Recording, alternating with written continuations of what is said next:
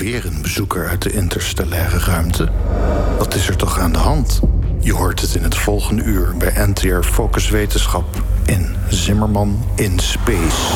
Ja, kijk, ik wilde dit al wat eerder laten horen, maar dan heb je toch alvast een beetje tease gekregen voor het Zimmerman in Space. Niet het volgende uur, ik ga gelijk eh, met hem door. Want onze spaceverslaggever heeft weer een gloednieuwe column eh, voor ons. Elke donderdag of vrijdagnacht vertelt hij je een nachtelijk ruimteverhaal. En deze week gaat dat over gevonden kometen buiten ons zonnestelsel. Luister naar het Zimmerman in Space. Ja, we hebben er weer een. Een mogelijke bezoeker uit de interstellaire ruimte. Eerder al had ik een column gewijd aan Oumuamua... de eerste bekende bezoeker van tussen de sterren. En zoals wel vaker met de eerste keer... was er een hoop verwarring in het spel. Hey baby, you sure look fine on that dance floor. So you. Koud twee jaar later is het waarschijnlijk weer raak. Onze nieuwe interstellaire bezoeker heet nu 2I Borisov. Ik snap het niet. 2 omdat het pas het tweede ontdekte object van buiten ons zonnestelsel is dat ons zonnestelsel aandoet. I, dat staat voor interstellair, afkomstig van tussen de sterren.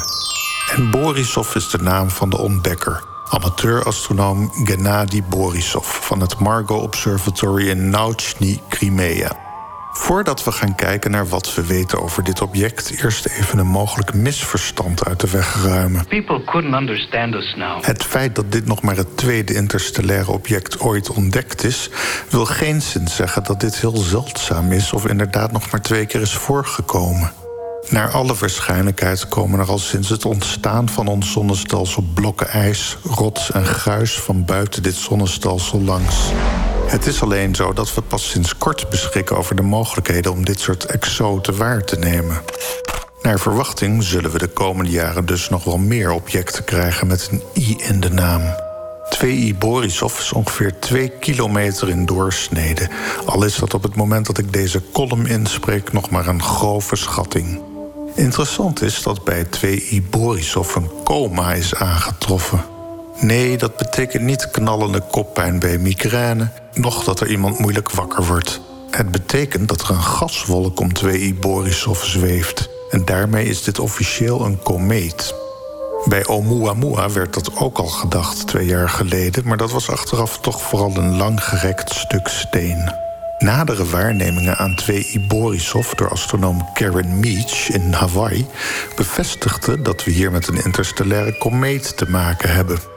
En dat is, als u het mij permitteert, hoogst interessant. Wereldwijd kijken allerlei astronomen naar deze bezoeker van ver. En zo werd ook ontdekt dat er cyanide in de coma van de komeet zit. Hoe men dat weet? Door het licht dat gereflecteerd wordt door 2I Borisov te bestuderen met een spectroscoop. Dan komen dit soort details aan het licht. Letterlijk. Ik snap het niet. Kijk, het enige wat we zien is gereflecteerd zonlicht. We kennen de spectrale samenstelling van zonlicht. En als in het gereflecteerde licht absorptielijnen worden waargenomen, kunnen astronomen op basis van de frequentie van die absorptielijnen concluderen om welke scheikundige elementen het gaat. En hoe bijzonder is het dat er cyanide in deze komeet is waargenomen? Nou, dat valt dus wel mee. Ook in de beroemde komeet Halley, die elke 75 jaar aan onze nachtelijke hemel verschijnt, werd cyanide aangetroffen. No doubt a comet or a meteor. De volgende passage van komeet Halley is overigens in het midden van 2061. Uiterst spannend of ik dat met mijn Zitten is het nieuwe roken. levensstijl ga meemaken. Aha, ja. Het merkwaardige is dat 2I Borisov verrassend veel lijkt op de voor ons bekende kometen. Hoe weten we dan toch zo zeker dat het hier een geval van buiten ons zonnestelsel betreft? Dat heeft te maken met de excentriciteit van de baan van 2I Borisov. Excentriciteit is precies wat u al dacht: de mate waarin iets niet in een cirkelvormige baan draait. Een excentriciteit van nul betekent dat een object precies in een cirkel om een ander object draait. Tot ongeveer 0,7 is een baan nog elliptisch, maar daarboven is het een eenmalig bezoek in de vorm van een parabool of zelfs een hyperbool. 2i Borisov heeft volgens de laatste waarnemingen een excentriciteit van zo'n 3,3, wat een extreem hyperbolische baan is. U kunt dit voor zich zien als een object wat langs de zon raast en waarbij de verder rechte baan enigszins wordt afgeknakt door de zwaartekracht van de zon. 2i Borisov kwam zo'n beetje uit de richting van het sterrenbeeld Cassiopeia. Dat is die letter W die u doorgaans goed kunt waarnemen in Nederland. Tot november van dit jaar bevindt 2i Borisov zich nog aan de sterrenhemel van ons noordelijk halfrond. Daarna moet u onder de evenaar gaan waarnemen om dit geval nog te kunnen zien. Anders dan bij Oumuamua hebben we 2i Borisov al ontdekt toen deze ons zonnestelsel naderde. Dat is zelfs nog steeds het geval. Pas in december van dit jaar bevindt 2i Borisov zich het dichtst bij onze zon op een respectabele afstand van nog steeds zo'n 300 miljoen kilometer. Ten opzichte van de zon kwam 2i Borisov met zo'n 32 kilometer per seconde op ons zonnestelsel af. Er is geen enkele kans dat het object een planeet zal raken. Alleen al omdat het ons zonnestelsel onder een hoek van zo'n 44 graden nadert. Voor 2i Borisov is het erin en eruit voordat u met uw ogen heeft kunnen knipperen. Een beetje zoals een romantische nacht met een bronstige puber, zeg maar. Dat we al zoveel met precisie kunnen zeggen, hebben we ook te danken aan NASA's Jet Propulsion Laboratory. Behalve met interplanetaire missies met ruimteschepen, houdt het NASA-JPL zich ook bezig met impactpredictie op onze planeet. Dat is zeg maar dat wat we voor hebben op de dinosauriërs... die de grote meteoriet wat te laat zagen aankomen.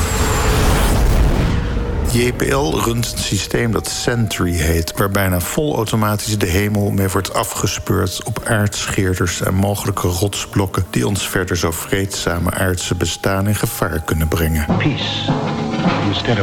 Het kleine zusje van Sentry heet Scout. En met dit Scout-systeem heeft NASA JPL baanberekeningen aan 2i Borisov kunnen uitvoeren. Kunt u 2i Borisov met het blote oog waarnemen, nu of in de nabije toekomst? Nee, zelfs met een gemiddelde telescoop wordt het nog zeer tricky. Op dit moment weerschijnt 2i Borisov met een magnitude 17, wat ver onder de grens van het blote oog ligt.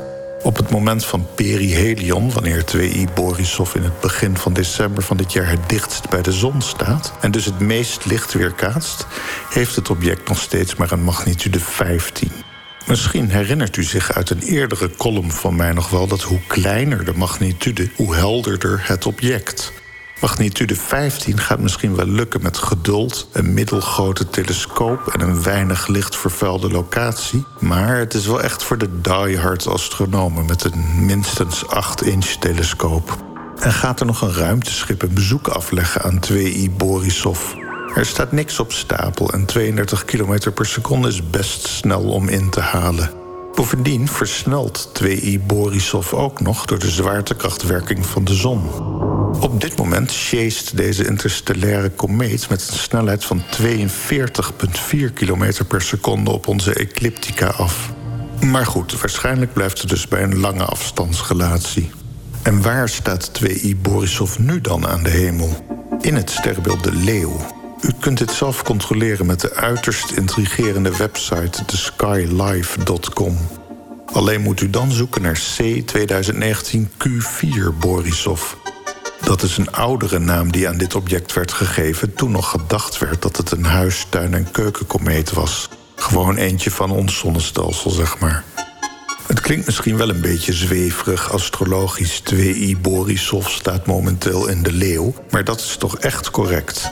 De sterren van ons sterrenbeeld de leeuw zijn sterren van onze melkweg die relatief dichtbij staan. Die heldere ster van de leeuw, Regulus, staat op een afstand van maar 79 lichtjaar.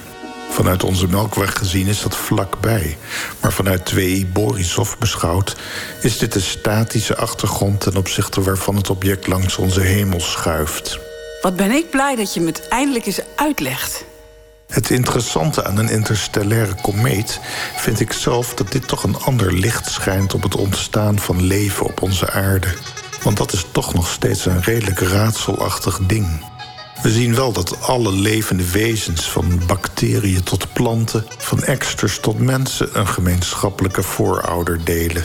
Maar nu er dus ook daadwerkelijk een komeet van ver weg ons zonnestelsel aandoet, dan zou ons leven toch ook gebracht kunnen zijn door iets dergelijks. De bouwstenen van primitieve eiwitten naar de aarde gebracht door een interstellair rotsblok met ijs en gruis.